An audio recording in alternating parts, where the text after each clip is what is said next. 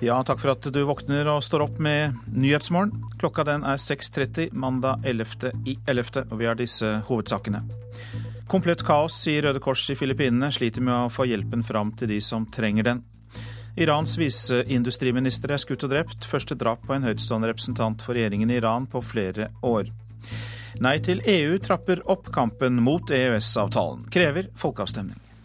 Eh, det oppstår et gap mellom de folkevalgte og folket som jeg mener at en folkeavstemning kunne fylle. Heming Olaussen, leder i Nei til EU. Og vi skal snakke om denne mannen og laget hans. Det har vært en helt fantastisk sesong. En fantastisk gjeng som står bak meg, som har fått det her til å skje. Og alle de fantastiske minnestundene som vi har hatt med Marienlyst. Tusen, tusen hjertelig takk. Ja da. Strømsgodset og Ronny Deila tok seriegull i går. I studio i dag, Øystein Heggen.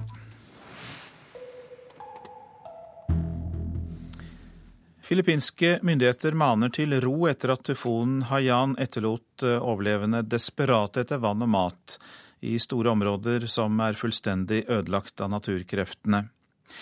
300 spesialstyrker og ekstra politi er sendt til byen Takloban for å gjenopprette lov og orden der. Situasjonen i katastrofeområdet er uoversiktlig. Flere steder rapporteres det om plyndring. Tallet på drepte etter tyfonen er trolig over 12 000. Hjelpeorganisasjonene har jobba hardt for å nå fram på Filippinene. Stengte veier og ødelagte flyplasser har gjort det vanskelig å transportere inn mat, medisiner og telt, forteller Richard Garden i Røde Kors. place,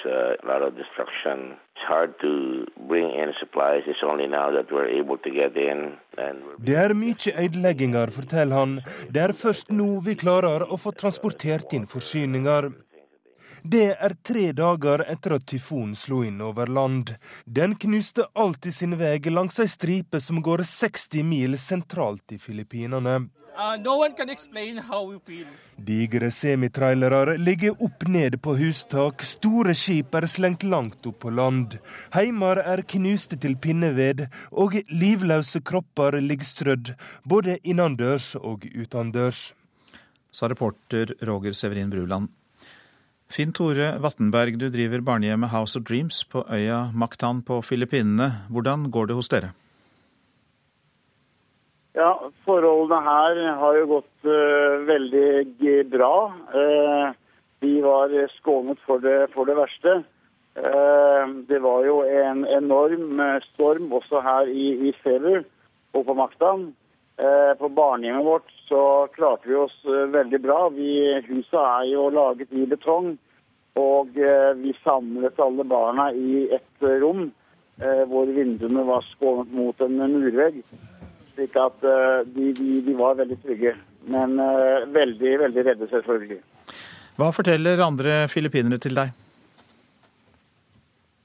Ja, det er jo, det er jo store ødeleggelser langs uh, kystlinjen og i, i slumområdene som gjerne ligger langs kystlinjen. Så er, jo, så er jo nesten alle hus knust til, til pinneved. og opprydningsarbeidet har jo, har jo startet opp. Eh, de fleste her på Makta man ser, var jo evakuert, slik at det har jo gått forholdsvis bra i dette området. Eh, men, men det er jo store, store ødeleggelser. Hvor lang tid tror du det vil ta før eh, Filippinene kommer på fote igjen etter denne voldsomme naturkatastrofen? Det er veldig vanskelig å si. Det er jo en stor katastrofe, og mange har mistet sine og, og hus og hjem. slik at Eh, for det første så må det mye økonomiske midler til for å, for å få hus og ting på plass igjen. og slik at eh, dette, dette vil nok ta lang tid. Det, det, det, vil jeg tro. Takk skal du ha, Finn Tore Vattenberg, som altså driver barnehjemmet House of Dreams på øya Mactan på Filippinene. I Iran er landets viseindustriminister skutt og drept, melder det statlige iranske nyhetsbyrået IRNA. Drapet skal være det første på en høytstående representant for regjeringen på flere år. Hvem som står bak drapet er ikke kjent. Det er foreløpig ikke noe som tyder på at eh, drapet har noe å gjøre med Irans omstridte forhandlinger med vestlige land om eh, landets atomprogram. I dag starter FNs årlige klimaforhandlinger, denne gang i Warszawa. I løpet av to uker skal 16 000 utsendinger begynne arbeidet med en ny global klimaavtale, som altså skal erstatte Kyoto-avtalen.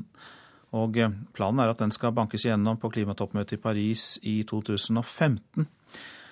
Og da er vi glad for at du er her, klima- og miljøvernminister Tine Sundtoft. Det er ofte vanskelig å forstå hvor man står hen i eh, forhandlingene om klimaavtaler. Så forklar meg, hva er det som må falle på plass denne gangen? Det som må falle på plass i Warszawa, er å få det vi kan kalle et veikart fram til Paris 2015. At landene blir, blir, enige om hva vi nå skal gjøre, og at vi bruker neste år, altså bruker 2014, til å få på plass hjemmelekser for hva vi kan gjøre av reduserte utslipp i egne land. Men en enighet om prosessen er det vi håper å få på plass i Warszawa. Så det er et veikart, det er en prosess for å komme fram til eh, klimatoppmøtet i 2015, eh, altså i Paris. Eh, hva blir de største utfordringene for å lage dette veikartet? De største utfordringene er jo å få alle med på en enighet om en prosess, og forståelsen for at vi må ha et veikart og få noen milepæler fram til 2015. Og få den forståelsen for at vi også må gjøre hjemmeleksa vår i 2014. Dette er krevende øvelse. Nina Jensen, du er også med oss, generalsekretær i eh, WWF. Eh, hvilke utfordringer har miljøvernministeren? Hun har en utrolig viktig jobb eh, med å sørge for at disse landene nå kommer til en enighet om dette veikartet som, som Sundtoft her nevner. Og hun har jo selvfølgelig en viktig jobb i å følge opp det miljøvernministre før henne har gjort i å klare å bringe de ulike landene sammen. Men det som er spennende med dette klimatoppmøtet, til forskjell fra de andre, er at man nå for første gang faktisk skal snakke om energi. Og Det vil jo kanskje overraske mange at dette ikke har vært et tema tidligere, ettersom to tredjedeler av utslippene kommer fra energisektoren. Men dette er nå et tema på dette møtet. Og Det er en gyllen mulighet for Norge til å være en sterk pådriver for at vi får etablert også et rammeverk for oppskalering av fornybar energi og eh, energieffektivisering. Dette er to svært effektive og kostnads, eh, kostnadseffektive tiltak som man kan gjennomføre for eh, raske klimakutt. Altså mer eh, fornybar, Jensen, og da krever det vel også at man går ned på bruk av fossilt brennstoff? Ja, Det er jo en helt klart en forutsetning. Vi må erstatte det fossile energibruken med fornybar energi. Eh, så svarene på klimaproblemet er relativt enkelt. Men det som jo er eh, bra, er jo at vi faktisk vet at løsningene fins. Det begynner å bli mer kostnadseffektivt, eh, og det innebærer store muligheter for Norge. Så her har vi en viktig rolle i å være en pådriver for kraftig oppskalering og satsing på fornybar energi globalt. Tine Sundtoft, du snakket om eh, hjemmelekse også eh, i forbindelse med dette møtet. Er det mm, Nina Jensen nevner her, en del av det du oppfatter som din hjemmelekse? En del av vår hjemmelekse er å ytterligere forsterke klimaforliket. Vil si at vi får ikke det til i Norge hvis ikke vi får med næringslivet på banen. Næringslivet begynner nå å jobbe fram spennende produkter for å gå inn i lavkarbonsamfunnet. Og her må vi også bruke skatter og avgifter og kvoter for å få enda mer fart på det, og ikke minst utvikle bedre miljøteknologi. Så vi har sterk tro på å bruke markedet i det arbeidet. Jeg sier at Vi har ikke nubbesjanse til å få til den endringen hvis ikke vi får med næringslivet på laget. Men Norge har varslet eh, kutt på 40% innen 2020 dersom det blir en ambisiøs eh, klimaavtale. Men kunne man ikke også kuttet uansett? Hva må vi bli enige om internasjonalt? Nå vet jeg ikke hva du tenker på å kutte uansett. Ser det, det, det, er liksom liten verdi i å stenge oljekranene i Nordsjøen nå, men det å bruke oljeformuen til å endre vår teknologi mer i retning av lavutslippssamfunnet Vi arbeider for, for, å få en internasjonal karbonpris.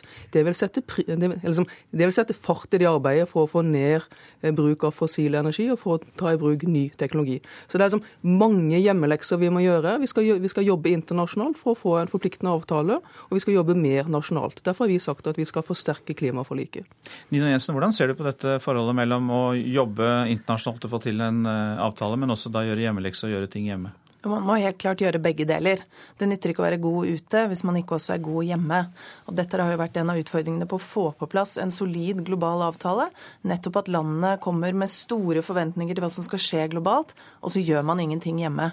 Så her må også Norge vite, vise at vi er villige til å ta kutt her hjemme. Vi er villige til å la oljen ligge i enkelte områder, som jo regjeringen faktisk har gjort allerede i denne perioden. Og man må vise vei. Hva er løsningen på dette problemet? Jo, det er en omstilling fra fossilt til fornybart.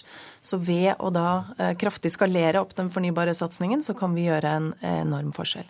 Da følte jeg at vi var tilbake på hovedpunktet. Hjertelig takk til dere to, Nina Jensen, generalsekretær i WWF, og eh, vår klima- og miljøvernminister Tine Sundtoft. Så skal jeg her i Nyhetsmorgen eh, fortelle litt om det avisene fokuserer på. Folk kom løpende i stormen med barn og eldre, forteller eieren av en norsk førskole i Filippinene til Aftenposten. De ga ly til våte, kalde og livredde mennesker som søkte ly for tyfonen. Dette er klimaendringenes pris, skriver Dagsavisen. Tyfonen Haiyan er den sterkeste som noen gang har truffet land. Feige klimaforskere, det er oppslaget i Vårt Land. Rasmus Benestad mener hans kolleger er for forsiktige med å knytte enkelttilfeller, som denne tyfonen, til menneskeskapt klimaoppvarming. Rike land vil ikke betale. Filippinene fortviler over Vestens klimapolitikk. Det er oppslaget i Klassekampen. Lucino Larazabal, som er bosatt i Bergen, frykter at far og bror er ofre for tyfonen i Filippinene, skriver Bergens Tidende. Han har forsøkt å få kontakt med slektningene siden fredag. Pensjonsbråk på trappene, det skriver Dagens Næringsliv. Forslag fra regjeringen om å heve satsene kan gi 75% av lønna i pensjon, men vil skape konflikter i bedriftene, mener avisa. Flere privatskoler, forsøk med karakterer i 7. klasse, kutt i skolefrukt og søknad om at Bergen kommune skal overta de videregående skolene. Ja, jeg ser for meg ganske store endringer, sier skolebyråd Harald Hove fra Høyre til Bergensavisen. Jeg har aldri vært borti noe så ekstremt, sier politioverbetjent Geir Ellefsen om det Dagbladet kaller Norges verste innbruddsbande. De sirkler inn ofrene, ringer for å sjekke om de er hjemme, før de bryter seg inn. Hovedmannen kom fra Vietnam på 1980-tallet og er dømt for 88 innbrudd på to år. Det er byfolk og unge som vil ha søndagsåpne butikker, skriver Nasjonen. Folk er delt på midten i spørsmål om åpningstider, viser undersøkelse. En ny seksseters heis med varmeseter og deksel kan skisenteret i Åre i Sverige friste med foran årets sesong. Svenskene har investert 40 eh, ganger mer enn Oppdal i kampen om skituristene, skriver Adresseavisen i dag. Gull, det er det eneste som står på forsiden av Drammens Tidende, til bilde av begeistrede Strømsgodset-spillere. Banket og ydmyket, Tromsø ned i førstedivisjon med et brak. Det skriver Nordlys etter 4-1-tapet mot Brann. Kjøp trygt og billig på nett kan vi lese i VG, som skriver om kuppene, feilene og tollreglene. Ja, det var en rørt trener Ronny Deila som i går takket for støtten etter at Strømsgodset sikret seg gullet i Eliteserien i fotball. Og det var selvfølgelig mange tusen feststemte drammensere som hadde møtt opp for å feire byens nye gullgutter.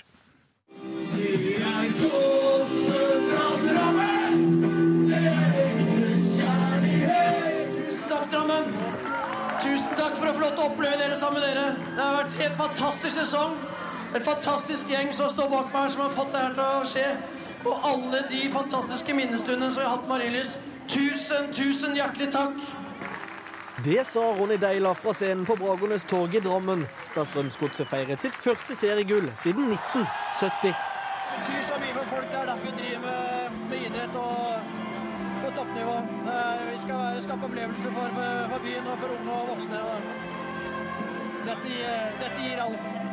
Når du vant eh, NM-gull, så var også torget fylt. Nå er det stilt dobbelt så mange mennesker. Hva sier det deg? At det er større å ta et seriegull. Mye større enn å ta cupgull. Men 38-åringen som har ført godset tilbake til toppen av norsk fotball, synes nesten han har fått for mye ros for jobben han har gjort. Det blir nesten litt for mye av det gode også, så dette er et lag, og jeg er blitt dratt fram mye pga. at uh, sjefen for dette her men jeg har enorme flinke mennesker rundt meg, og det, det, må også komme fram i, i den sammenhengen. Ja, det var reporterne Anders Mjåland og Morten Røkeberg som hadde samlet disse godbitene fra Drammen. Fotballkommentator i Dagbladet Tom Statsberg, god morgen til deg. God morgen. Ja, nå er det tid for Nå har vi hørt på begeistringen. Ja. Men eh, hvordan sikret Strømsgodset seg dette gullet? Jeg vil først si at jeg er egentlig glad i at jeg ikke kom fra Drammen i dag, for da hadde jeg vært sliten. Ja, for de har feira hele natt. Ja. Nei, Strømsgodset har vært eh, de siste åra Se at de har kontinuitet. Ronny Deila ble ansatt i 2008. Første sesongene gikk det dårlig. Så har de gradvis bygd. De har hatt høy kvalitet på det de gjør på banen, og lave utgifter. Det er ganske smart i norsk fotball. I år har de vært det beste laget. Det beste laget vinner. Det har vært spennende. Eh, det var nerver i går også. Eh, RBK leda over eh, Lillestrøm. Det var 0-0 på Marienlyst. Men Ronny Deila han får mye skryt, og han fortjener det. Men det er et støtteapparat bak der. Jostein Flo har vært inne. De har henta inn spillere som Stefan Johansen, som han ble kåra til årets spiller i går, midtbanespiller, var et noe, Han var et talent, men han var ikke noe stor i Bodø-Glimt. Adam Larsen, keeper, var i Vålerenga. Måtte til Drammen. Og så har du Ola Kamara som kom tilbake igjen fra tysk fotball. Gjorde seg ikke bemerka. Kan kanskje si litt om kvaliteten i norsk fotball, men det er den kvaliteten vi har. Blir, eh, skårer viktige mål. Så har du Peter Kovac. De har bygd et lag uten de store stjernene. Nå har de også klart å få fram noen stjerner som Stefan Johansen. Kjempespennende. Og all, all ære til eh, Drammen og Gods og Gamle Gress og Marienlyst og alt dette her.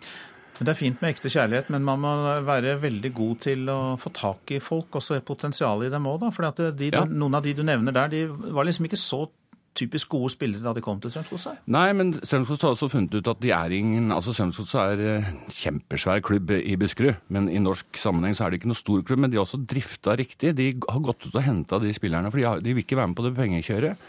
Bygd sakte. Det er rom for unge gutter å utvikle seg der. Så henter de spillere som de ser potensial i, har et godt eh, apparat. Eh, god teft, for å si det sånn. Så det er, den måten en måte å drive på.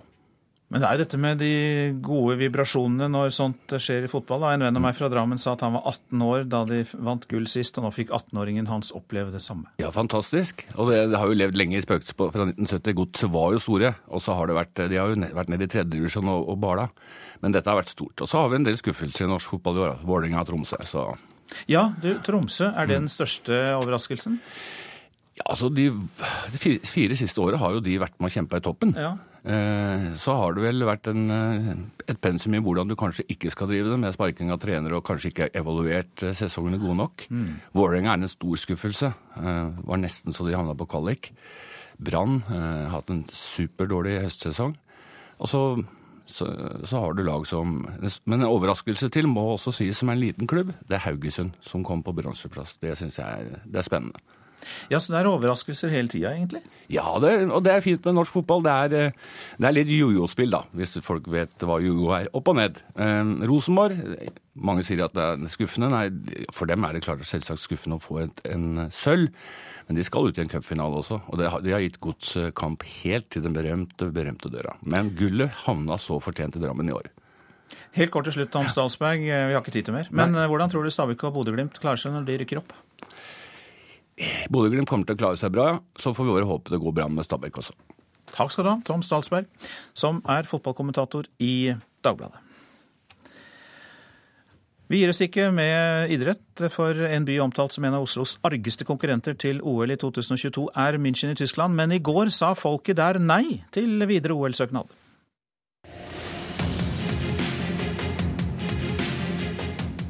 Münchens OL-drøm ligger i ruiner. Den flotte skrytevideoen blir det ikke bruk for etter at motstanderne av en OL-søknad i går seiret i folkeavstemningen her i München og i tre andre bayerske kommuner som skulle vært med i arrangementet. Münchens overborgermester Christian Ode kommenterer resultatet slik. Wir sind äh, als Befürworter einer. Som talsmenn for en OL-søknad er vi selvsagt skuffet. Vi hadde god tro på vårt konsept, som vi mener har en svært god miljøprofil. Men heller ikke det var nok med den stemningen som i øyeblikket rår her i München og på de andre planlagte arrangørstedene. Dette tar vi til etterretning, og jeg respekterer selvsagt folkets vilje, sier overborgermesteren. Det er en spøkefull stemning i et stemmelokale i sentrum av München i går ettermiddag. Men det har vært harde fronter i OL-saken i ukene frem mot folkeavstemningen.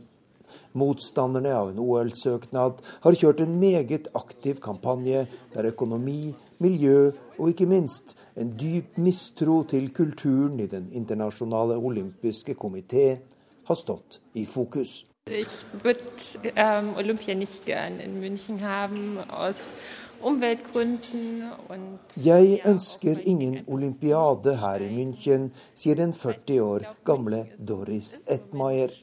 Jeg mener det vil være skadelig for miljøet, og at et slikt arrangement vil føre til boligspekulasjon og til at husleieprisene vil skyte i været.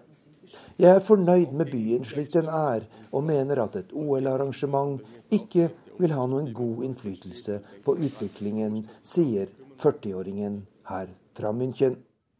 Rapporterte Arnt Stefansen. Dette er Nyhetsmorgen. Klokka den er nettopp blitt uh, 6.51.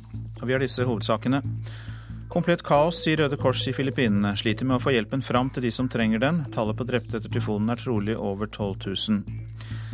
Irans viseindustriminister er skutt og drept. Første drapet på en høytstående representant for regjeringen i Iran på flere år. Presses av likes. Snart skal vi høre mer om at mange tenåringsjenter føler at de bare må ha mange likes på sosiale nettsteder. Nei til EU vedtok på sitt landsmøte i helgen å trappe opp kampen mot EØS-avtalen. Flere delegater på landsmøtet var skeptiske og frykter at nei-siden kan bli splittet. Men likevel vedtok Nei til EU å jobbe for folkeavstemning om EØS. Flertallet i folket syns EU har for mye makt i Norge. Slår leder i Nei til EU Heming Olaussen fast. For trass i Høyre-ledet regjering med fersk europaminister, så er ikke organisasjonen Nei til EU stressa når det gjelder hovedspørsmålet. Det er ingen tegn til at Norge blir EU-medlem med det første. Men når det gjelder EUs makt over Norge gjennom EØS-avtalen, så er organisasjonen klar for å skjerpe tonen.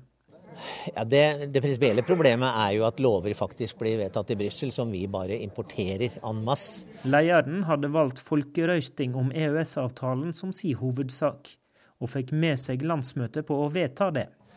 Eh, det oppstår et gap mellom de folkevalgte og folket, som jeg mener at en folkeavstemning kunne fylle.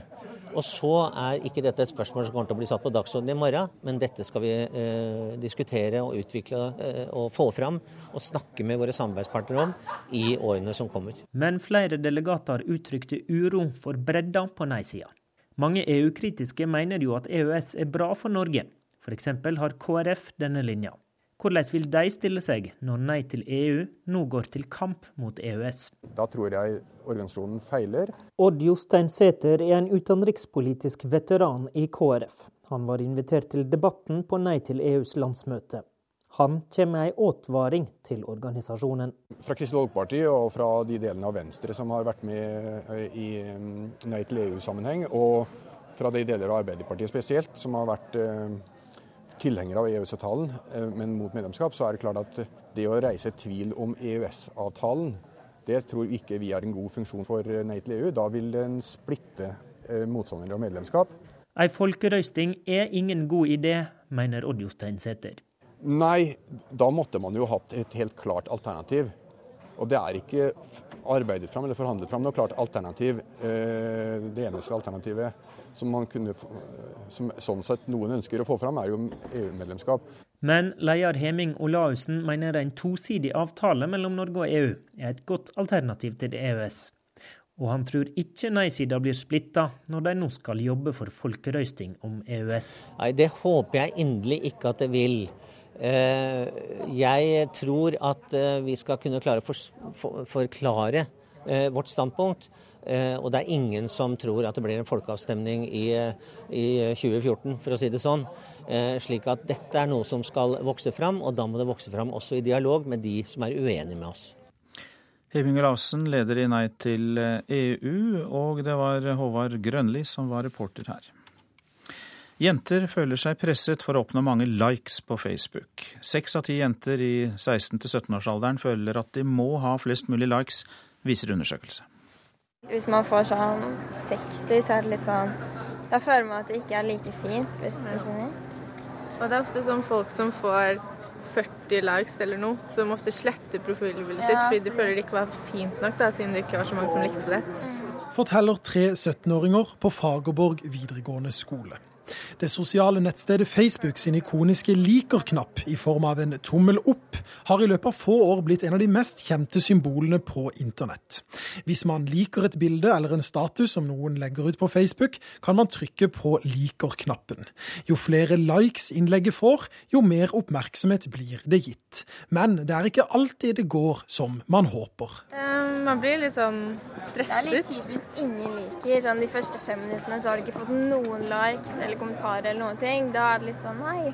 En ny undersøkelse viser at seks av ti jenter i 16-17-årsalderen opplever at det er for mye press om å få mange likes på Facebook. Spesielt er det viktig for mange unge å få likes på profilbildet sitt, og også selvfølgelig på statusmeldinger de legger ut. Forteller førsteamanuensis ved MTNU Berit Skog, som har gjennomført undersøkelsen.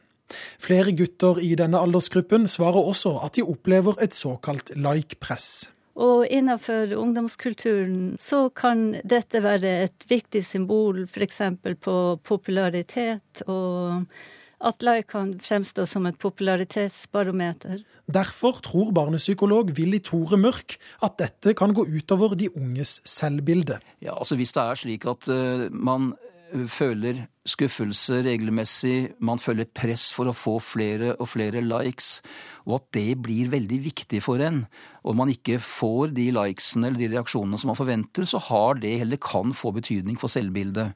Han er redd for at tilbakemeldinger i de sosiale mediene blir viktigere enn reaksjoner i det virkelige liv. I undersøkelsen svarer fire av ti i alderen 9 til 39 år at de opplever et press om å få likes. Mørk tror at det å ikke få likes kan bli oppfattet som mobbing man kjenner jo presset sjøl også og vet hvor viktig det er å få likes, og at dette kan være en del av en utestengingsmekanisme, også gjerne kalt mobbing. Reporter her, det var Christian Ingebretsen. Så tar vi for oss værvarselet fram til midnatt. Fjellet i Sør-Norge, tilskyende vær. I ettermiddag stedvis liten storm, kan hende opp i full storm nord i fjellet. Seint i kveld minker det igjen. Det blir litt snø som brer seg østover. Østafjells får pent vær i dag. Fra i ettermiddag sørlig til liten kuling på kysten. I kveld stiv kuling. Etter hvert blir det tilskyende østafjells, og eh, i ettermiddag kan det bli sludd og snø, som først kommer i Agder. Og som regn i lavlandet sør for Gardermoen. Vestlandet sør for Stad øking til sørlig sterk kuling på kysten og i fjellet. I ettermiddag opp i full storm i nord. Ved Stad blir det sterk storm. Fra i ettermiddag regn, snø i fjellet. I kveld sørvest stiv kuling, ved Stad sterk kuling. Og så blir det regnbyger i kveld på Vestlandet sør for Stad, altså. Så går vi til Møre og Romsdal og Trøndelag. Øking til sørlig liten kuling utsatte steder. Fra i ettermiddag sterk kuling opp i full storm på kysten av Søre Sunnmøre. I kveld dreier vinden sørvest og minker. Det blir litt regn og snø i høyden. Så går vi til Nordland fylke. Det blir snøbyger der. I ettermiddag øking til sørlig stiv kuling utsatte steder. Etter hvert går det over til regn. Troms nordvestlig sterk eh, kuling. Det blir snøbyger. I ettermiddag enkelte snøbyger. Kyst- og fjordstrøkene i Vest-Finnmark nordvestlig sterk kuling. I formiddag opp i liten storm. Snøbyger. I kveld enkelte snøbyger. Finnmarksvidda vestlig liten kuling. Midt på dagen sterk kuling utsatte steder. I kveld litt snø i nord. Så var det Øst-Finnmark, oppholdsvær. Fra i ettermiddag nordvestlig sterk kuling utsatte steder. Sluddbyger i nord. Nordensjøland på Spitsbergen nordlig stiv kuling utsatte steder, men det blir oppholdsvær. Temperaturer målt klokka fire. Svalbard minus to, Kirkenes pluss én, Varde pluss tre, Alta minus én. Tromsø, Bodø og Brønnøysund alle sammen pluss to. Trondheim pluss én. Molde også pluss én. Bergen og Stavanger null. Kristiansand minus tre. Gardermoen minus fire. Lillehammer minus fem. Røros minus seks. Og Oslo-Blindern hadde minus én grad, og det var altså da klokka var fire i natt. Hør ekko. Å bli mamma og pappa er den største lykke i livet, sier vi. Men i virkeligheten sliter de fleste av oss. Vi får rett og slett babysjokk. Når bleie, stellebord og nattevåk erstatter frihet, fest og ferie, da kommer knekken. Det å bli foreldre truer to av tre parforhold. Ekko 9 11 i NRK P2.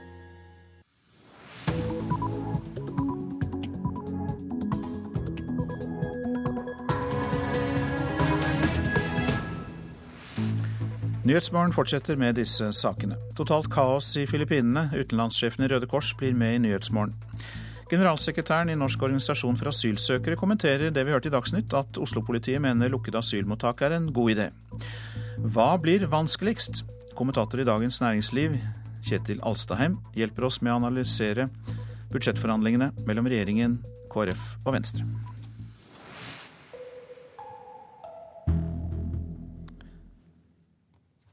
Det kan se ut eh, som de store ødeleggelsene har tatt myndighetene på Filippinene på senga. Fremdeles er det ikke kommet noe offisielt tall på døde, men i byen Tacloban ser det ut til å være helt smadret. For de overlevende er situasjonen desperat, men livet der går også videre. En baby kom til verden midt under det verste uværet. Mot alle odds klarte mora å ta seg til et militærsykehus før fødselen. Det nyfødte barnet kom til verden i et månelandskap. Utenfor ligger byen Takloban i ruiner. Bare noen få hus står fremdeles. De stikker opp av det som på fjernsynsbildene mest ser ut som ei søppelfylling. Men faren er fremdeles ikke over for babyen, forteller militærlege Victoriano Sambale. Definitely the, the mother still in danger for uh, infection and sepsis. So uh, we need to give her uh, intravenous antibiotics. Unfortunately, ran out of even the oral antibiotics for the adult. Ran out since yesterday. Det er fremdeles fare for infeksjon, men diverre så gikk vi tom for antibiotika i går. Vi har ikke engang tabletter, forteller Sambale. De store ødeleggingene kom overraskende på styremaktene, og i mangel på hjelp har folk begynt å hjelpe seg sjøl ved å plyndre forretninger for å finne ris og melk. Utenfor militærsykehuset begynner folk å bli utålmodige.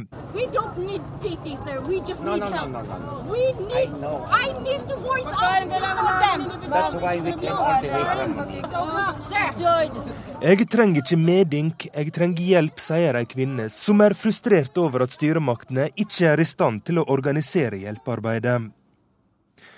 Men internasjonalt er det mye hjelp på vei. Den amerikanske forsvarsministeren Chuck Hagel sier at USA vil sette inn Stillehavsstyrken i hjelpearbeidet.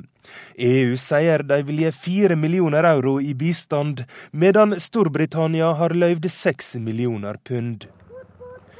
Enda har styremaktene på Filippinene ikke klart å komme med et offisielt tall på hvor mange som er døde i uværet.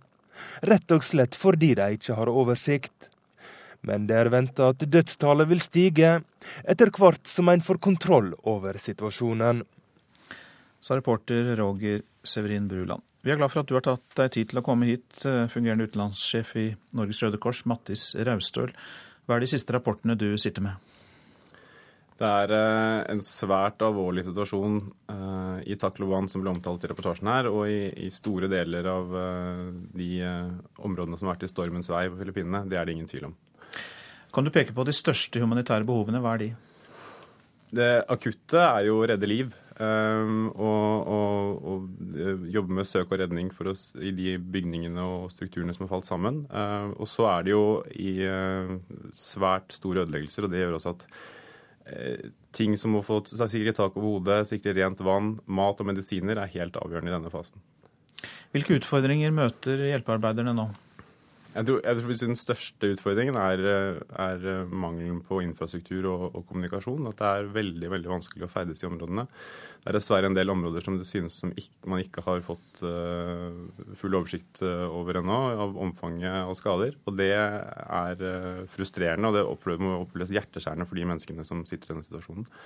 Men uh, vi jobber så hardt vi kan. Uh, store deler av uh, Filippiner Røde Kors har mobilisert iherdig for å hjelpe og finne redde liv. Og, men det er klart at det er en, et så stort omfang at det vil ta tid å få oversikt.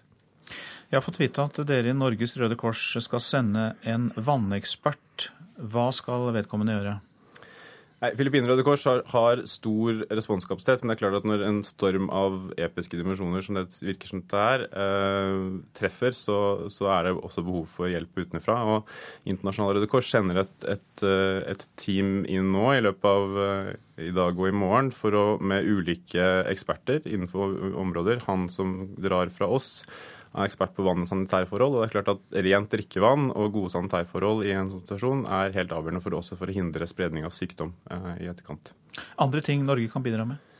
Vi er veldig glad for at norske myndigheter var tidlig ute med å, å gi et bidrag. Um, og det uh, vil være behov. Så må vi bruke tiden framover for å se hva vi, vi, kan gjøre også for å bistå vår søsterforening på Filippinene. Uh, vi har jo kapasitet til f.eks. et feltsykehus som kan skaleres litt avhengig av behov, som, som, vi vurderer behovet for. Men det vil være en dialog med, med Internasjonal Røde Kors og Filippiner Røde Kors. Da ønsker vi deg lykke til med dette arbeidet. Fungerende utenrikssjef i Norges Røde Kors, Mattis Raustøl, takk skal du ha. Flere pårørende i Norge har ennå ikke fått kontakt med sine familier på tyfonrammede Filippinene. 12 000 personer fryktes omkommet, tallet på døde stiger. Hjemme hos Ellie Gerardo og familien står TV-en på døgnet rundt. Deres foreldre, besteforeldre, onkler og tanter bor i Takloban, som vi hørte, en av byene som ble hardest rammet.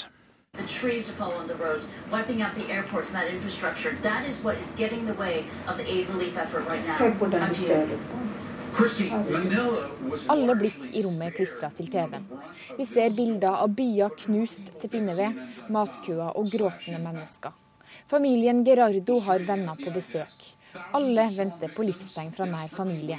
Men det kommer ingen TV-bilder fra de områdene. Der hvor vi trenger opplysninger, den har vi ikke fått. Det er så typisk. Jeg vet ikke hva som har skjedd med dem.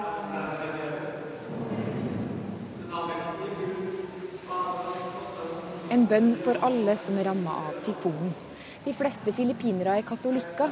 Derfor går dagens almisse i den katolske St. Olavskirka i Oslo til tyfonofrene.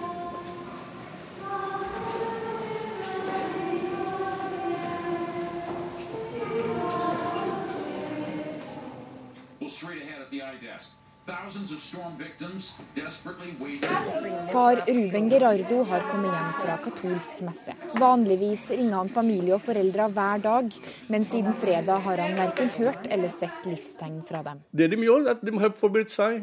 Lagde tau, satt på sand på taket og alt det som, som de pleier å gjøre. Tenkte ikke at uh, sjøen skal stige opp i seks meter. Vi har prøvd å ringe flere ganger, men uh, fikk ikke tak, tak i noen der. Så det er litt uh, forferdelig å vente også hva som egentlig har skjedd der nede i Takloban. Hvordan det er med husa, hvordan er det med slektninger, hvordan er det med folka. Hjelpen kommer snart, altså. De trenger telt for å ja, sove. De sover. Som de sier på CNN, så sover de på gata nå. Reportasjen var laget av Marit Gjelland. Nå hjem igjen og til eh, Oslo-politiet, for de tar daglig asylsøkere for narkosalg eller annen kriminalitet i hovedstaden. En del eh, søker om asyl bare for å drive kriminalitet i Norge. Det sier politimester i Oslo, Hans Sverre Sjøvold. Blir de tatt for kriminalitet, så bør de ikke få gå fritt omkring, sier han. Jeg har stor respekt for de som eh, kommer til Norge og trenger beskyttelse. Men jeg har ikke noe særlig respekt for de som kommer til Norge for å begå kriminalitet og ønsker å misbruke asylinstituttet.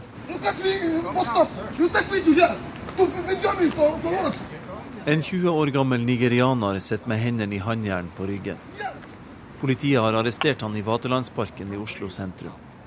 Hvorfor tar dere meg, spør han. The reason why you are arrested is because we have reason to believe that you sell drugs. Where do you arrest me first? Because you hide your drugs in the grass over here.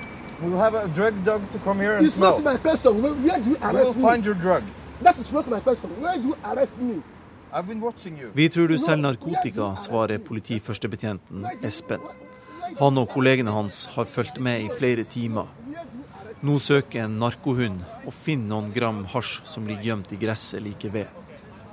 Imens ser politiet gjennom lommeboka hans. Han har et asylsøkerbevis.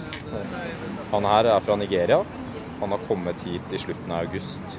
Ofte så kontrollerer vi folk her i sånne salgssituasjoner hvor det kortet er mottatt for to dager siden. Er det ofte du ser folk som har asylsøkerbevis her? Ja, veldig ofte. Eh, det er, det er som jeg sier, vi vet ikke helt om det er asylsøkerbevis eller om det er annen form for Schengen-visum, men det er, det er en overvekt av asylsøkerbevis. Det er det. Sammen med en annen ung afrikaner blir han tatt med til arresten i politihuset. Vi mener at han i hvert fall har stått bak eh, fire salg av narkotika til fire forskjellige personer. Som vi har sett. I, i kveld? I kveld. Eh, vi har fulgt med han i flere timer i ettermiddag. Han har forsvunnet fra stedet igjen og kommet tilbake. Og så har han blitt pågrepet en stund etter siste gangen han solgte narkotika. Han får 10 000 kroner i bot, som det slett ikke er sikkert at han noen gang kommer til å betale så er han en fri mann.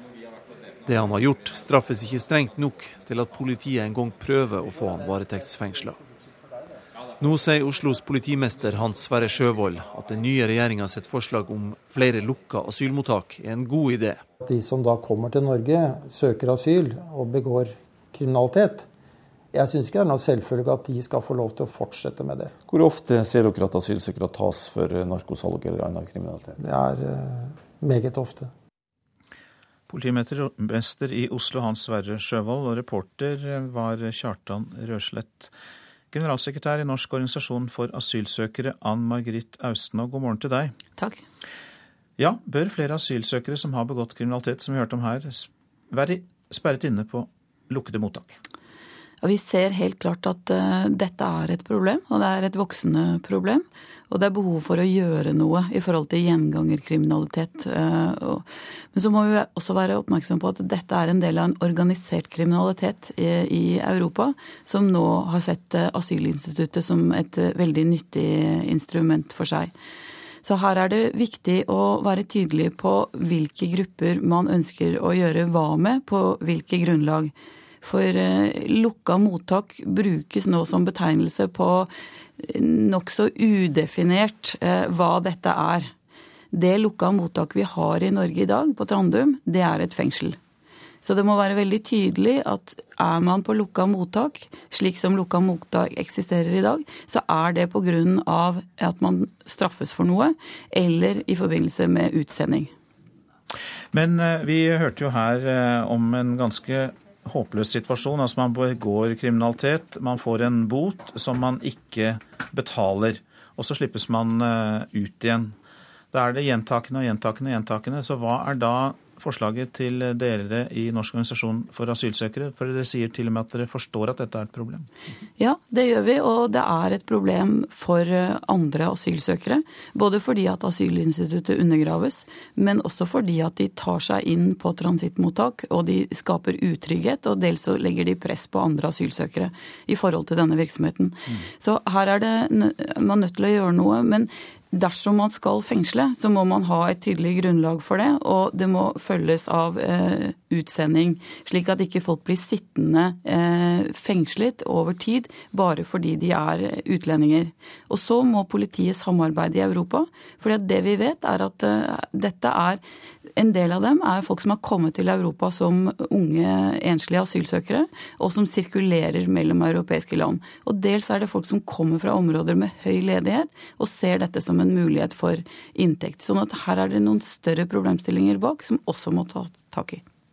Det, det skjønner jeg, men likevel så forstår jeg deg slik som at du vil åpne for vurdering av kriterier for å fengsle folk, men at de da må sendes ut raskere.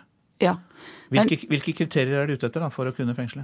Nei, Det må jo da politiet tydeliggjøre. For i dag er det sånn at eh, disse utlendingene likebehandles med nordmenn som også driver småsalg av narkotika. Mm. Og de også bare slippes og, og, får bøter. Sånn at det kan ikke være slik at eh, er du fra Nord-Afrika og begår småkriminalitet, så kan du sitte på ubestemt tid i en fengselssituasjon. Mens er du nordmann og begår den samme kriminaliteten, så får du en bot. Altså Her må man rydde i nivået, og da betyr det både at straffenivået også kan bli høyere for andre, og man må tydeliggjøre hvor lenge kan man sitte eh, innesperret før man sendes ut. Og utsendingen må jo da følges av tiltak i Europa, slik at man ikke har de samme personene tilbake igjen etter kort tid. Her eh, må det ryddes opp. Eh, til slutt, Ann Margrethe Austnå, vil dere bidra til å endre kriterier og finne løsninger? Vi går veldig gjerne i dialog med politiet om dette, og har en god dialog med Politiets utlendingsenhet, fordi at dette er problematisk også for de som er reelle asylsøkere. Takk skal du ha. Du lytter til Nyhetsmorgen. 7.18 viser klokka. Dette er hovedsaker. Filippinene vurderer å innføre unntakstilstand etter tyfonen som har rasert store, store deler av landet. Tallet på omkomne er trolig over 12 000. Oslo-politiet støtter, som vi hørte, flere lukkede asylmottak. Tar ofte asylsøkere for å selge narkotika på åpen gate. Og vi hørte også at Ann Margrethe Austenå gjerne vil i dialog med politiet om dette. Og vi skal høre at Erna Solberg er klar for sin første utenlandsreise. Den går til Angela Merkel. Men eh, politikk eh, nå med en gang også, for i dag starter forhandlingene om statsbudsjettet mellom regjeringen og sentrumspartiene KrF og Venstre. KrF var misfornøyd med skatteprofilen i budsjettet, hørte vi i helgen, og Knut Arild Hareide sa han var, eh, at det var for mye skattelette til dem som har mest fra før. Så derfor har vi bedt deg komme, kommentator i Dagens Næringsliv, Kjetil Alstaheim, og hvor sannsynlig er det at KrF får gjennomslag for å gjøre noe med det? Eh, de eh, vil i hvert fall prøve. Eh, jeg tror nok det utspillet skal, skal tolkes litt i, i, lys av det traumet Kristelig Folkeparti følte at de satt igjen med etter forrige regjering de var i, altså Bondevik II-regjeringen. Der de oppsummerte den med at noe av grunnen til at det gikk dårlig for KrF i den regjeringen, var at de gikk med for, på for store skattelettelser. Så, så, det er en klar markering fra, fra KrF. Eh, å plassere seg et annet sted enn enn Høyre- og Fremskrittspartiregjeringen. Men her er det jo et voldsomt trøkk fra regjeringspartiene for nettopp skattelettelser. Det har de holdt på med i årevis å si at de skal innføre hvis de kommer i regjering. Absolutt, så, så, det blir ikke helt enkelt. Og her trekker også KrF og Venstre litt i ulike retninger. Eh, F.eks. på dette med fjerning av arveavgiften, som eh, KrF ikke syns det haster så mye med men der Venstre er eh, veldig glad for eh, at regjeringen vil fjerne den fra 1.1. Så det blir litt eh, Det er ikke sånn at Venstre og Kristelig Folkeparti har koordinert seg her og går inn med felles krav. De trekker litt i ulike retninger på noen områder, mens de på når det gjelder grønn skatt, trekker i samme retning. De vil ha mer grønn skatt. Og det igjen er jo blir fort vanskelig for Fremskrittspartiet, som jo ble stiftet som et parti for sterk nedsettelse av skatter og avgifter. Eh, økte grønne skatter vil jo merkes eh, av forbrukerne eh, veldig fort. Så det blir en balanse å finne ut hvordan de skal lande dette. Men nå sto jo KrF og Venstre sammen i disse sonderingene. Kan det tenkes at regjeringen blir enig med bare ett av sentrumspartiene nå?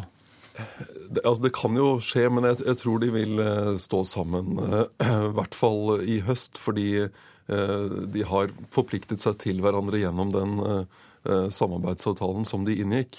Og hvis det skulle sprekke opp allerede nå ved første korsvei, så, så vil det være en ganske dårlig start for, for, det samarbeidet. Ja, Så det er nærmest sånn at man er litt dømt til å lykkes denne gangen? Fordi det er jo rett etter regjeringen er dannet og man har liksom denne gode stemningen rundt sonderingene? De må vise at de klarer å, å bruke flertallet de fire partiene har sammen, til, til, å styre landet og samarbeide om det. Eh, noe annet ville jo være å, å, å svikte velgerne litt. Hvor lang tid har de på seg nå? De har ikke så mange dagene. De, de, snakker om at de må være ferdig på torsdag. Eh, det er mulig at de kan dra det eh, noen dager ekstra. og det er jo gjerne sånn i forhandlinger at hvis de, hvis de, kan det, så gjør de det. Men eh, det er kort tid, eh, så det blir noen intensive forhandlingsdager. Vi følger med på det. Hjertelig takk for at du kom, kommentator i Dagens Næringsliv, Kjetil Alstaheim. Og vi fortsetter med statsminister Erna Solberg. Hun reiser eh, til Tyskland senere i november for å ha samtaler med forbundskansler Angela Merkel. Dette er den første utenlandsreisen Solberg foretar etter at hun er blitt statsminister. Det er absolutt Europas viktigste politiker. Jeg sier einfach, freut euch und die Freude wird uns die Kraft geben, auch die nächsten Jahre. Begge vant høstens valg, mens Angela Merkel fortsatt står midt i arbeidet med å sette sammen sin egen regjering etter valgseieren, er Erna Solberg klar for sin første reise som statsminister. Om en drøy uke har den tyske kansleren ryddet plass for å ta imot statsministeren fra sitt norske søsterparti. På dagsorden står samarbeidet mellom Norge og Tyskland. Den økonomiske utviklingen i Tyskland er viktig for den økonomiske utviklingen i Norge. Ikke minst for vi som har ambisjoner om at vi ikke skal ha et så todelt eh, samfunn, todelt næringsliv i fremtiden, så er trekkraften fra tysk økonomi viktig. Før sin første utenlandsreise som regjeringssjef sier Solberg at det er viktig at en statsminister har et aktivt internasjonalt arbeid for å sikre norske interesser. Eh, jeg er opptatt av utenrikspolitikk, jeg er opptatt av sikkerhetspolitikk og har alltid vært det. Og eh, det er klart at eh, skal du gjøre en god jobb for Norge, så må du også være opptatt av å bygge gode forhold til eh, landene rundt, eh, de landene som har innflytelse på, på norsk utvikling.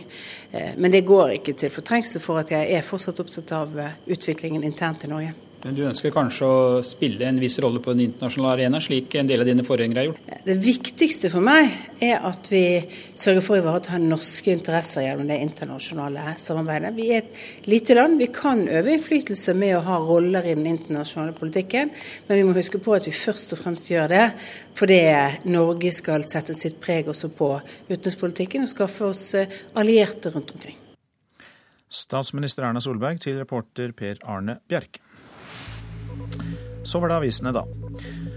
Og eh, vi starter med Aftenposten. Folk kom løpende i stormen med barn og eldre, forteller eieren av en norsk førskole i Filippinene. De ga ly til våte, kalde og livredde mennesker som søkte ly for tyfonen. Dette er klimaendringenes pris, skriver Dagsavisen. Tyfonen Haiyan er den sterkeste som noen gang har truffet land. Feige klimaforskere, det er oppslaget i Vårt Land. Rasmus Benestad mener at hans kolleger er for forsiktige med å knytte enkelttilfeller som tyfonen Haiyan til menneskeskapt klimaoppvarming. Rike land vil ikke betale. Filippinerne er fortvilt over Vestens klimapolitikk, skriver Klassekampen. Lucino Larassa Ball, som nå er bosatt i Bergen, frykter at far og bror er ofre for tyfonen i Filippinene, skriver Bergens Tidende. Han har forsøkt å få kontakt med slektninger siden fredag. Pensjonsbråk på trappene, skriver Dagens Næringsliv. Forslag fra regjeringen om å heve satsene kan gi 75% av lønna i pensjon, men vil skape konflikter i bedriftene. Flere privatskoler, forsøk med karakterer i 7. klasse, kutt i skolefrukt og søknad om at Bergen kommune skal overta de videregående skolene. Ja, jeg ser for meg ganske store endringer, sier skolebyråd Harald Hove fra Høyre til Bergensavisen. Jeg har aldri vært borti noe så ekstremt, sier politioverbetjent Geir Ellefsen om det Dagbladet kaller Norges verste innbruddsbande. De sirkler inn ofrene, ringer for å sjekke om de er hjemme før de bryter seg inn. Hovedmannen kom fra Vietnam på 1980-tallet og er dømt for 88 innbrudd på to år. Det er byfolk og unge som vil ha søndagsåpne butikker, skriver Nasjonen. Folk er delt på midten i spørsmål om åpningstider, viser undersøkelse. En ny seksseters heis med varmeseter og deksel kan skisenteret i Åre i Sverige friste med foran årets skisesong. Svensken har investert 40 ganger mer enn Oppdal i kampen om skituristene, skriver Adresseavisen. Gull, ja, det er det eneste som står på forsiden av Drammens i dag, til bilde av begeistrede Strømsgodset-spillere. Banket og ydmyket, Tromsø ned i førstedivisjon med et brak, skriver Nordlys etter 4-1-tapet mot Brann. Kjøp trygt og billig på nett kan vi lese i VG, som skriver om kuppene, feilene og tollreglene. Langt færre enn tidligere greier å oppnå karakteren fire eller høyere i matematikk ved eksamen i grunnskolen. Dette skjer til tross for at elevene bare trenger å få halvparten riktig for å få karakteren fire.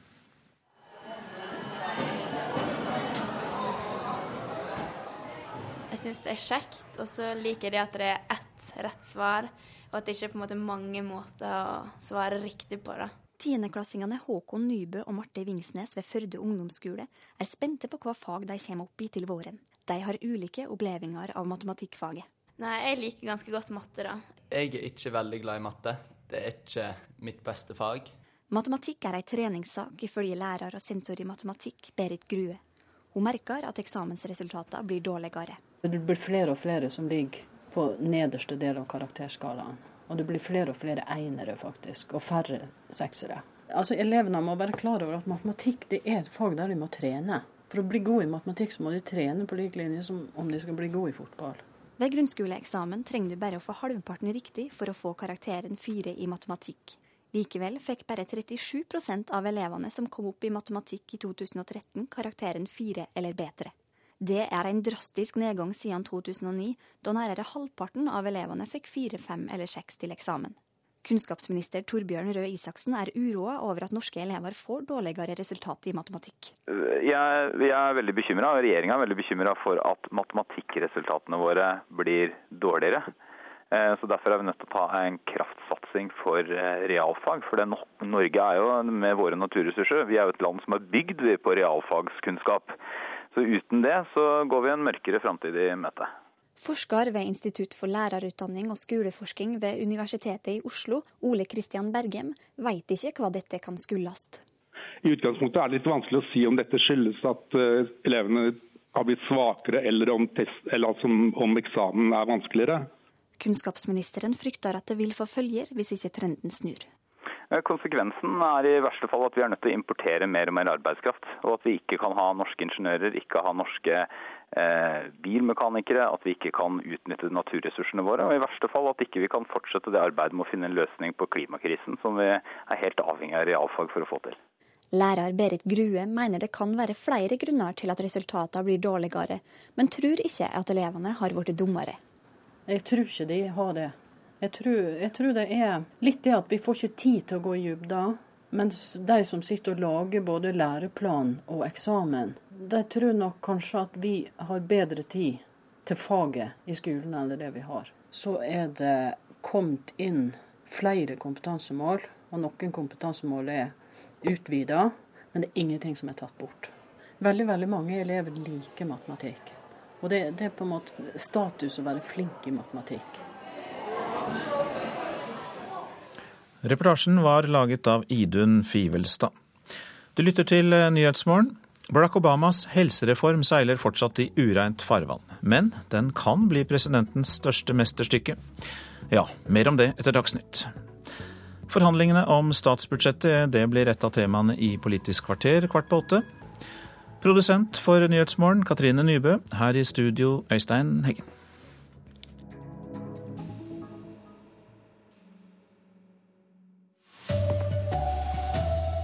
Desperat situasjon for overlevende på Filippinene. Mangel på vann og mat etter tyfonen som traff landet hardt. Oslo-politiet støtter lukkede mottak, tar ofte asylsøkere for å selge narkotika på åpen gate. Og Rørt Strømsgodset-trener feiret seriegullet i Drammen. Her er NRK Dagsnytt, klokken er 7.30. Ja, De store ødeleggelsene ser ut til å ha overrasket myndighetene på Filippinene. Fortsatt har det ikke kommet noen offisielle tall på døde, men byen Tacloban ser ut til å være helt smadret. En større internasjonal hjelpeoperasjon er på trappene, men nå har det gått tre dager siden tyfonen slo inn over land. Fjernsynsbilder viser at uværet har forvandla byen Takloban til en skraphaug. Uh, no Døde mennesker ligger spredd, medan et ukjent antall ligger begravd i ruinene. So I mangel på hjelp fra styremaktene har folk begynt å plundre butikker for mat og vann. Vi trenger ikke medynk, vi trenger hjelp, sier ei kvinne.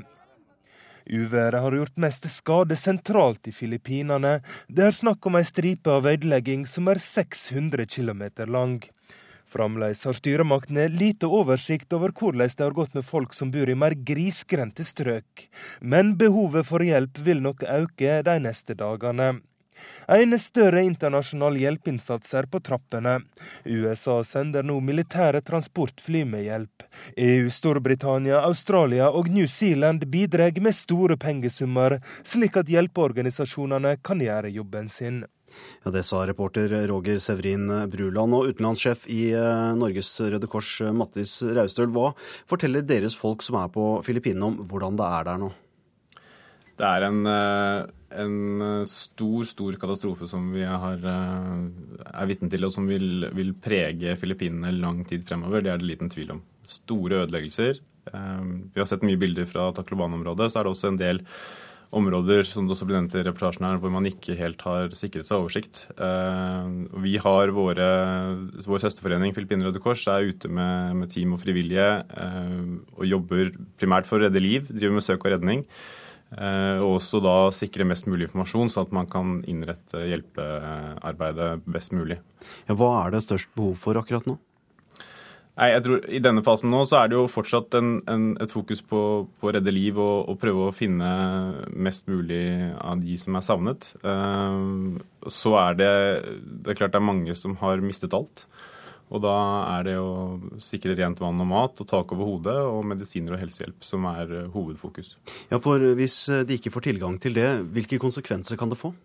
Det er klart at i, i etterkant av sånne type naturkatastrofer som dette, så er det også en stor fare for at uh, livet kan gå tapt, nettopp hvis man ikke klarer å få responsen fort nok ut. Og da, når man samtidig er møtt med, med store infrastrukturskader og veier som er ødelagt og sånn, og sånn så er det en, eh, en utfordring. Nå, nå, jobbes det på spreng, eh, og, og, og vi eh, i Røde Kors-bevegelsen mobiliserer også for å hjelpe Filippinene Røde Kors på best mulig måte.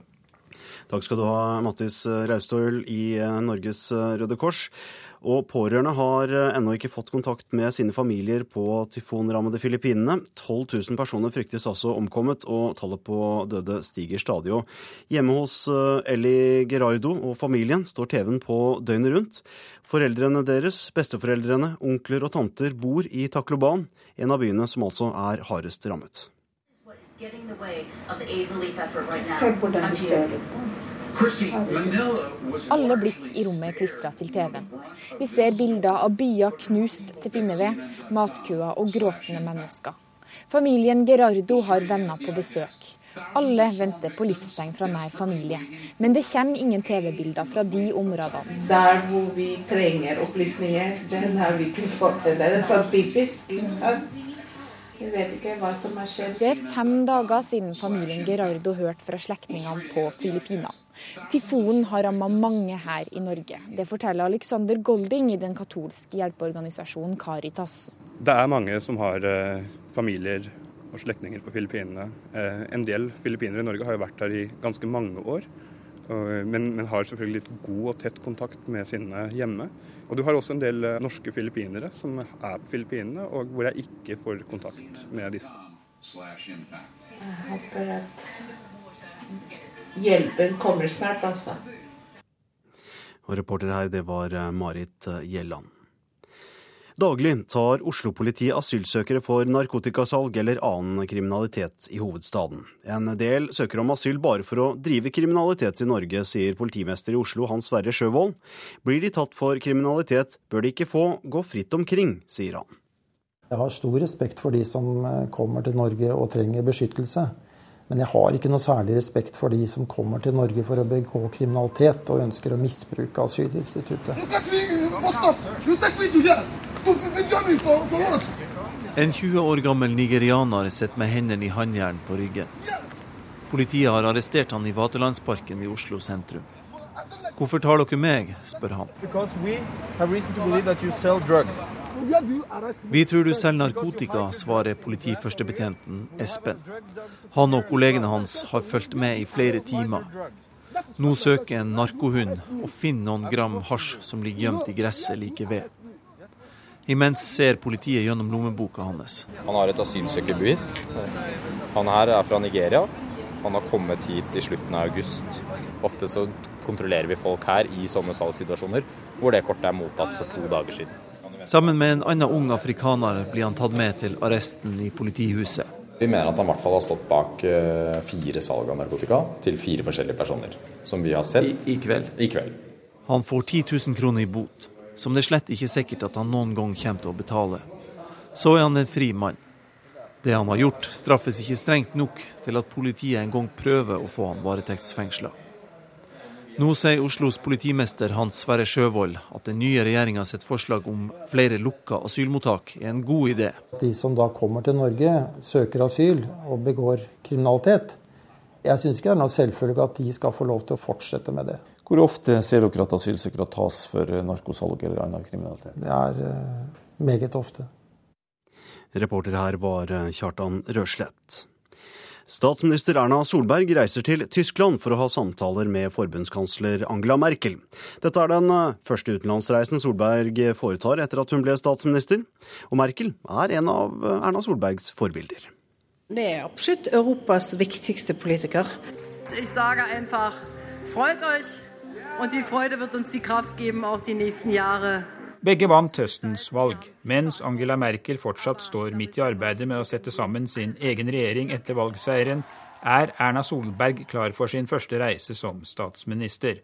Om en drøy uke har den tyske kansleren ryddet plass for å ta imot statsministeren fra sitt norske søsterparti. På dagsorden står samarbeidet mellom Norge og Tyskland. Den økonomiske utviklingen i Tyskland er viktig for den økonomiske utviklingen i Norge. Ikke minst for vi som har ambisjoner om at vi ikke skal ha et så todelt eh, samfunn, todelt næringsliv i fremtiden, så er trekkraften fra tysk økonomi viktig. Før sin første utenlandsreise som regjeringssjef sier Solberg at det er viktig at en statsminister har et aktivt internasjonalt arbeid for å sikre norske interesser. Eh, skal du gjøre en god jobb for Norge, så må du også være opptatt av å bygge gode forhold til eh, landene rundt. Eh, men det går ikke til til fortrengsel for at jeg er fortsatt opptatt av eh, utviklingen internt i Norge. Sa statsminister Erna Solberg. Reporter var Per Arne Bjerke. En rørt uh, trener, Ronny Deila, takket i går kveld for støtten etter at Strømsgodset sikret seg gullet i Eliteserien i fotball. Mange tusen feststemte drammensere var møtt opp for å feire byens nye gullgutter.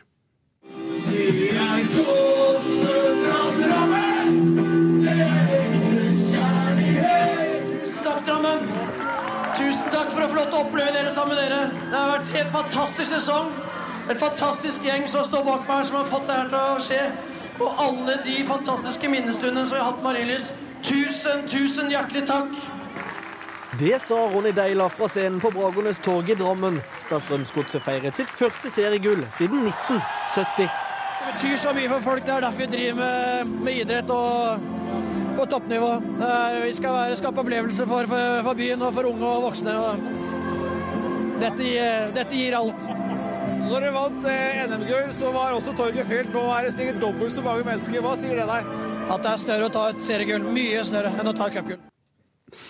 Ja, reportere her, det var eh, Anders Mjåland og Morten Røkberg. Ansvarlig for Dagsnytt-sendingene denne morgenen, det er Rolf Johansen. Teknisk ansvarlig er eh, Frode Thorshaug. Jeg heter Arne Fossland.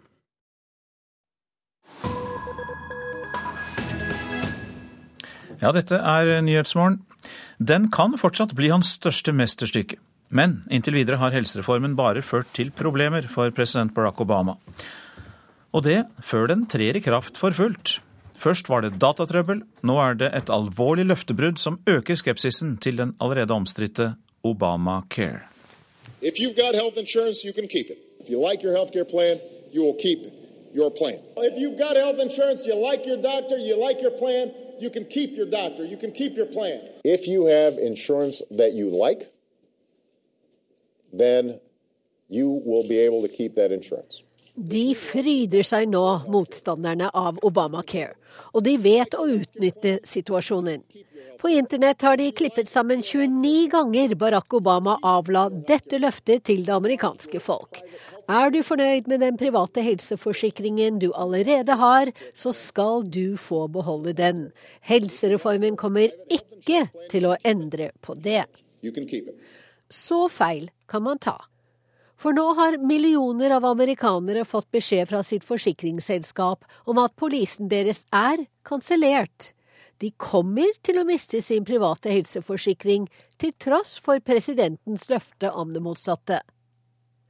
Hovedgrunnen til kanselleringene er at mange av de billigste forsikringene folk har, ikke dekker de nye minimumskravene som er fastsatt i helsereformen. En annen grunn er at forsikringsselskaper har begynt å trekke seg ut av delstater der de ikke tror de kan tjene penger. I Colorado alene er det snakk om en kvart million helseforsikringer.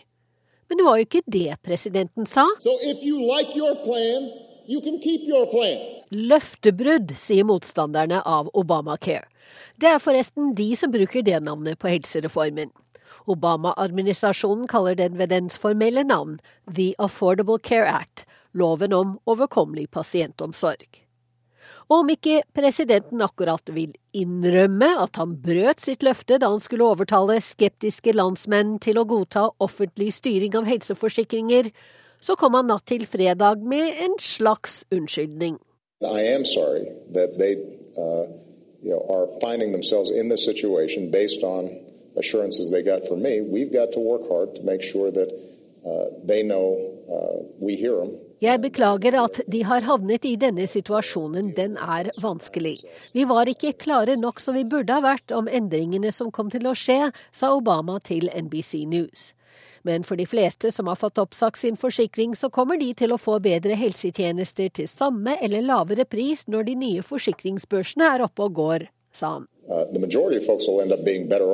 Katastrofe, lappverk og slurv er bare noen av ordene som er brukt til å beskrive startskuddet for helsereformen.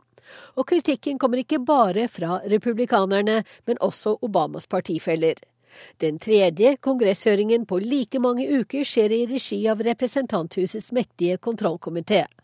I Senatet har en demokrat og en republikaner gått sammen om å foreslå ett års utsettelse på boten man må betale hvis man ikke har skaffet seg helseforsikring innen 31. mars neste år. People, hope, big, like make our healthcare system better, that there are going to be problems along the way. Til NBC News sier president Obama at han håper at folk forstår at det oppstår problemer når noe så stort som helsereformen skal gjennomføres, men at de til slutt vil oppleve at det var verdt det. Sa reporter Wenche Eriksen. Dette er hovedsaker i Nyhetsmorgen. Desperat situasjon for overlevende på Filippinene. Mangel på vann og mat etter tyfonen som traff landet hardt. Oslo-politiet støtter lukkede mottak, tar ofte asylsøkere for å selge narkotika på åpen gate. Og på sin første utenlandsreise som statsminister reiser Erna Solberg til Tyskland for å ha samtaler med forbundskansler Angela Merkel. Men nå er hun gjest i Politisk kvarter hos deg, og dere skal snakke om hjelpearbeidet etter katastrofen på Filippinene. Per Arne Bjerke. Ja, tragedien har vi et ufattelig omfang, og hva kan vi gjøre for å hjelpe? Statsminister Erna Solberg og tidligere utenriksminister og generalsekretær i Norges Røde Kors, Jonas Gahr Støre, er med oss i studio. Og i dag begynner forhandlingene om statsbudsjettet. Første forhandlingsrunde foregår i Politisk kvarter.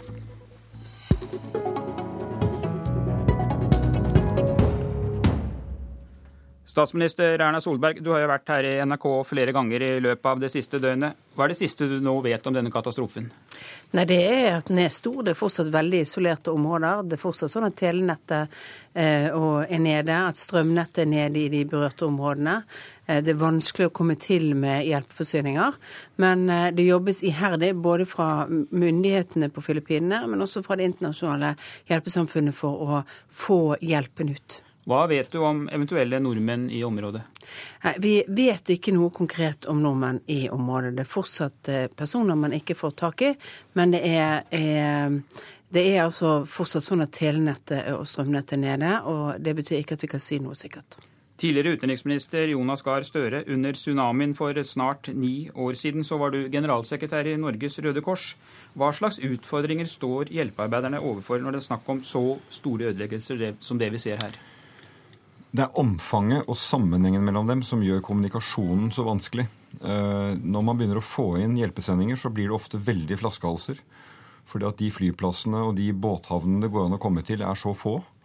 Eh, og så er det koordineringsproblemer. Du kan få et problem nå i løpet av dagene som kommer at det kommer for mye hjelp på gale steder. Så det å klare å koordinere og distribuere den hjelpen i tråd med behovene, det er en stor utfordring. Og det krever jo veldig godt samspill med de lokale myndighetene, og at de er oppe og går og kan sende signaler om hvilke behov som er. Ja. Det var jo mye snakk også om dette etter tsunamien, at det kom for mye hjelp på én gang, og at det var for dårlig organisert. Hva har vi lært siden den gang? Systemene lærer. FN har et godt nødhjelpssystem. Eh, Røde Kors har et godt nødhjelpssystem. De store hjelpeorganisasjonene har det. Men når alt kommer til alt, når det er kaos, så utfordrer jo det alt vi mennesker står for. og det det som jeg er veldig redd for nå, er at vi får det samme som vi får ved store katastrofer, nemlig at virkelighetsbildet vårt ligger litt bak det oppdateringen er. Altså, Nå hører vi på tredje dagen at det er om lag 12 000 som fryktes drept. Jeg tror det tallet kan være veldig mye høyere. Fordi vi ikke får oversikt, og fordi man ikke klarer liksom å tilpasse eh, bildet til det som er realiteten på bakken. Eh, Solberg, du får jo løpende oppdatering fra Utenriksdepartementet. Hva tenker du om hjelpearbeidet? Nei, altså, der er, er, mye ressurser som begynner å stille til rådighet. Noe av det største er, problemet er å få transportert de ressursene ut der hvor det faktisk er berørt. Og der bidrar Norge. Eh, det er jo sånn at Rederiforbundet har et egen opplæringsskole for maritimt personell i Manila. De har hatt den båten som de bruker i opplæringen, nå satt inn i hjelpearbeidet og skal frakte inn 1500 tonn med forsyninger til noen av de mest berørte områdene.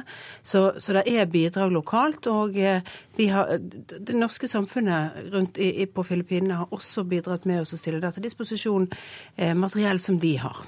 Støre, hva vil du si er det viktigste Norge kan bidra med, med din mangeårige erfaring med utenrikspolitikk og hjelpearbeid? Nei, jeg syns jeg Norge reagerer som de skal. Det ene er jo da å være veldig tydelig på at man kan finansiere hjelpeorganisasjonene som står klar til å rykke inn. Og der har vi et system som fungerer på timen. Jeg tror det er det raskeste som er i verden. Og så er det å følge opp og vite og støtte det som virker. Og da er det å gå på de store rådene som kommer ut av FNs nødhjelpskoordinator. Eh, også de eh, organisasjonene som er på bakken. Vi erfarte i Arch i Indonesia i 2005 at det var Røde Halvmåne, altså Røde Kors-bevegelsen der, som hadde lokalkunnskap, og da gjelder det å støtte dem. Eh, så kan det være annerledes litt ulike steder i Filippinene, men det gjelder å satse på de som har Eh, kapasitet til å operere i kaos, og det er gjerne de som har kapasitet til å operere når det er normale tilstander, som vi kjenner fra også Norge når det går galt. Solberg, dere har allerede gitt 20 eh, millioner kroner. Kan det bli aktuelt å gi mer? Ja, det kan bli aktuelt å gi mer, men vi må få oversikt over hva som trengs. Og de pengene Norge gir, det stiller vi til rådighet for de som, de som har ressursene som trengs. Eh, det betyr at vi stiller det gjennom frivillige organisasjoner og gjennom FN-systemet, sånn at de skal vite at de har finansiering for fleksibelt å komme ut med den hjelpen som trengs. Viktig å huske at i sånne kriser som dette, så er det alltid de som er fattigst, de som er mest utsatt, som er de som rammes mest også av en sånn krise. De som ikke hadde noe på forhånd, har nå mistet det lille de hadde. Nå er det jo slik at Vi har eh, lett for å glemme veldig raskt. Eh, det er ikke mange i dag som snakker om ødeleggelsen etter jordskjelvet på Haiti for eh, nærmere tre år siden. Hvor raskt kommer vi til å glemme Filippinene, Jonas Gahr Støre? Jeg vil ikke være enig i at vi har glemt Haiti. Vi får reportasjer derfra fra tid til annen, men de har ikke toppen i nyhetsbildet. Det har vært store jordskjelv i Pakistan. altså Vi har mange naturkatastrofer som selvfølgelig går litt bak i, i bildet. Du hadde ødeleggelsen i Japan, som vi har fortsatt frist med oss. Men dette tror jeg er så stort, over så stort mm. område. Dette er et øyarkipelago. altså Det er eh, øyer som de nå ser oversiktsbilder over, som er rammet. Og som statsministeren sier, det er de fattige som rammes, men her er det også bilde av et, et helt land antageligvis som er truffet og rammet. Så dette kommer til å leve med oss eh, lenge, tror jeg. Og det, det bør det, for dette er en av de store Det er jo den, kanskje den sterkeste vinden som er registrert i historien. Og det er klart det, vi har ikke full, full oversikt over skadene på det ennå. Solberg, hvilke utfordringer setter dette for oss også fremover, når vi vet hvilke enorme ødeleggelser og hvor lang tid det vil ta å bygge opp igjen dette landet? Nei, Det dreier seg om at selv om mediebildet eh, slukner litt på en, på en eh, konflikt, en krise eller en naturkatastrofe, så betyr det at du må ha langsiktighet i det arbeidet og det samarbeidet man har med filippinske myndigheter. Det er bare få uker siden det faktisk var jordskjelv i dette området. Det var mange som bodde i leire, altså var særlig utsatt pga. at husene var ødelagt allerede. Så, så det er viktig med gjenoppbygging, og det er viktig med å sørge for at eh, et eh, land som Filippinene også får klart å bygge opp mot en standard som tåler mer uvær. Takk skal du ha, statsminister Erna Solberg og Jonas Gahr Støre. Du blir med oss videre.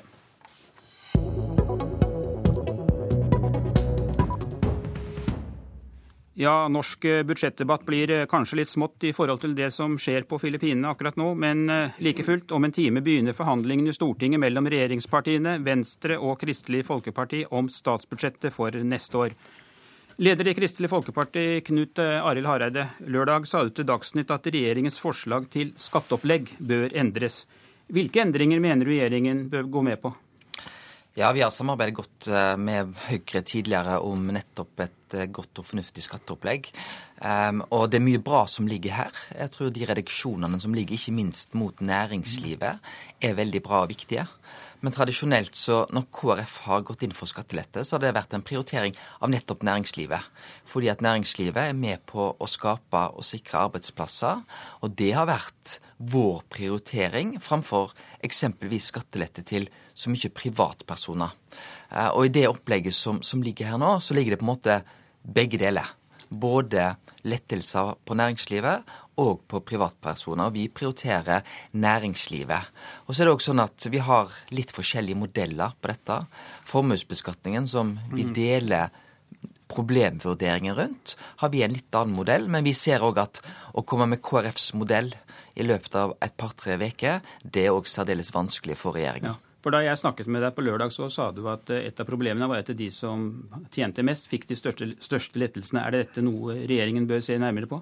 Ja, det ligger bl.a. I, i det. Når vi sier at eh, vi lar eh, prioritere skattelettelsen til, til, næringslivet framfor personbeskatningen, så ligger bl.a. den fordelingsvirkningen som, som, ligger av de totale skattelettene, mener jeg er et problem.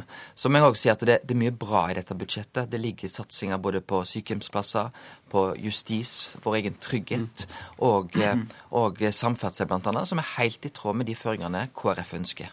Svein Flåtten, finanspolitisk eh, talsmann i Høyre. Kan du gå med på endringer som gjør at de som tjener eh, mest, får litt mindre skattelette enn det regjeringen legger opp til?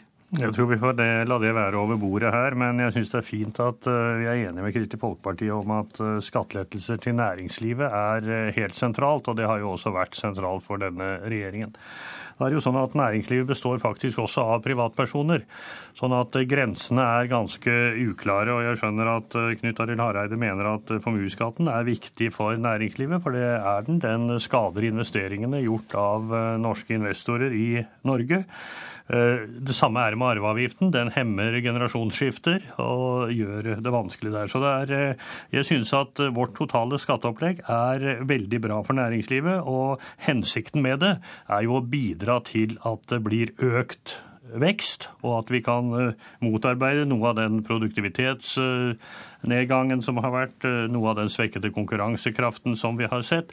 Slik at eh, det å gå løs på våre skatter blir selvfølgelig tungt for oss. Vi får se hva vi får til i, i forhandlingene, men skatten ligger i bunn som en helt sentral stimulans for næringslivets vilkår. I tillegg til de satsingene vi har på samferdsel, på kunnskap og på utdanning. Finanspolitisk talsmann i Arbeiderpartiet, Jonas Gahr Støre. Er dette en stimulans til næringslivet? Jeg, jeg har jo stilt spørsmål ved det at uh, dette skatteopplegget, som altså uh, gir 40% av kuttene til 4% av de som har mest, uh, at det er litt enfoldig å si at dette bedrer produktiviteten og konkurranseevnen. Jeg tror det at det vi har klart å sikre den høyeste, den høyeste, sysselsettingen og eh, deltakelsen i arbeidslivet og veldig produktive bedrifter, er jo gjennom veldig mye bredere grep. Eh, hvor vi satser sammen, eh, bl.a. på velferd. Og denne troen på at skattelettelse alene er liksom veien å gå, det stiller jeg spørsmål ved. Men jeg er spent på de forhandlingene som kommer. fordi jeg regner jo med at Kristelig Folkeparti og Venstre skal sette et tydelig preg på det budsjettet. Og det har jo vært vanlig ved slike forhandlinger hvor man inngår forlik i Stortinget at det da blir flyttet på en del. Så for oss så var jo det vi fikk på eh, fredag, det var jo i og for seg del én. Og vi kan jo ikke konkludere helt om helheten av dette budsjettet før vi har sett del to. Så det kan jo bli flyttet på flere milliarder her. Og om det gjøres via kutt, om de skal hente enda mer penger fra pensjonsfondet, som de gjorde i første runde, det blir det spennende å se. Hareide, tror du at du ville hatt store problemer med å bli enig med Støre om et skatteopplegg? Eh, det tror jeg òg det ville vært gode muligheter for. Men jeg tror det er enda bedre muligheter for at Høyre og Venstre, Fremskrittspartiet og KrF nå finner sammen. Eh, fordi det er veldig mye som ligger felles her. Og så har jeg òg lyst til å si at eh, jeg hørte òg Jonas Gahr Støre på fredag. Eh, da sa han at dette er et tilbaketog, et løftebrudd og et stilltiende nikk til den rød-grønne regjeringen. Altså Han peker på at det var ikke den store forskjellen fra det den blå-blå regjeringen kom med, og det den rød-grønne regjeringen har på bordet. Og Det er for så vidt bra. Det er bra at det er en brei enighet om de store økonomiske virkemidlene. Det som er mitt poeng, er at det største enkeltgrepet som ligger fra den blå-blå regjeringen, det ligger i realiteten ikke på næringslivsbeskatningen, det ligger på personbeskatningen. Eh, og det er kanskje ikke den prioriteringen som ville stått først på KrF sin liste, men vi ser fram til konstruktiv dialog om dette. Og så er vi opptatt av å få rette opp noen av de usosiale kuttene som ligger der, ikke fra den blå-blå regjeringen, men som ligger der fra Stoltenberg-regjeringa. Det gjelder ressurskrevende brukere i våre kommuner, pleietrengende, noen av de som trenger en støttende hånd. Der ligger det altså da eh, betydelige vanskeligheter med det opplegget som ligger der i dag. Og så er det òg skatteklasse to Eh, som er et problem. Eh, er det sånn at én er i arbeid, én er en minstepensjonist, så blir det da i realiteten eh, en skatteskjerpelse på 12 000-13 000 kroner for enkeltmennesket i Norge. Flåtten. Å si at det er enfoldighet av norsk eh, næringsliv å ønske bedre investeringsvilkår via skatten, eh, synes jeg høres helt merkelig ut fra Arbeiderpartiet. Eh, de har jo selv foreslått en nedgang til 27% på selskapsskatten. Vi viderefører denne også for personer. Og det er jo ingen tvil om at vi også må stimulere folk til å stå i arbeid. Og så er det jo også slik at det er jo ikke skatten bare som er det vesentlige ved vårt budsjett. Vi tør jo faktisk også omprioritere på en del milliarder kroner for å sette den inn i nettopp samferdsel, kunnskap. Men Flotten, Flåtten, det er jo ikke bare Støre som reagerer på skatteopplegget. Du hører jo hva Hareide sier nå to ganger at han er uenig i den måten dere har innretta personbeskatningen på. Vil du kunne gå om på endringer der? Jeg synes han høres relativt mild ut i sin kritikk. Jeg hører han snakker om ytterligere skattelettelser nå med skattklasse 2. Det skal vi selvfølgelig eh, vurdere. Men jeg har ikke hørt at han eh, sterkt har kritisert verken formuesskatten eller selskapsskatten. Og jeg tror at det å ha den samme satsen på selskapsskatt og personskatt, det er vi nødt til, mer av tekniske årsaker. Men det er jo også en stimulans for å få folk til å jobbe. Men vi går selvfølgelig til disse forhandlingene med Eh, og lytter til det som eh, kommer. Men det er ingen tvil om at vi mener skatten er viktig for å få til vekst i Norge. Og jeg tror, som Knut Arild Hareide, at eh, dette kommer vi til å bli enige om. Så kommer det til å bli endringer, både på skatt og andre ting. Men det får vi ta etter hvert. Større. Jeg tror også at jeg blir enig. Noe annet ville vært en stor sensasjon i norsk politikk. Eh, jeg er veldig for jeg, å gjøre justeringer i både skatter og avgifter som er bra for næringslivet, og vi har gjort det. Men vi har gjort det på en måte som har sikret at Norge får mindre forskjeller, ikke økte forskjeller. Og det er ikke noe som treffer bare på topp og bunn. Det er, det er jo snakk om de store gruppene av nordmenn her får kanskje noen hundrelapper i året, én krone dagen i skattekutt, mens de rikeste skal altså få eh, flere tusen. Og det er en gal kurs, en gal retning. Og jeg mener f.eks. at som vi har sagt tidligere i debatten, at eh, det å si nei til at de som får barn etter 1.9. får de barna i barnehage, det er et velferdsspørsmål, men også et produktivitetsspørsmål. For det gjør det mulig for foreldre å gå eh, og få familie. Men vi skal følge forhandlingene, og jeg er sikker på at eh, Hareide her kommer til å flytte både på milliarder og på, på vedtak. Og det ligger jo i naturen for slike budsjettkompromisser. Takk skal du ha. Der fikk du også siste ordet, og dere får komme dere ned i Stortinget og starte forhandlingene. Det var Politisk kvarter med Per Arne Bjerke.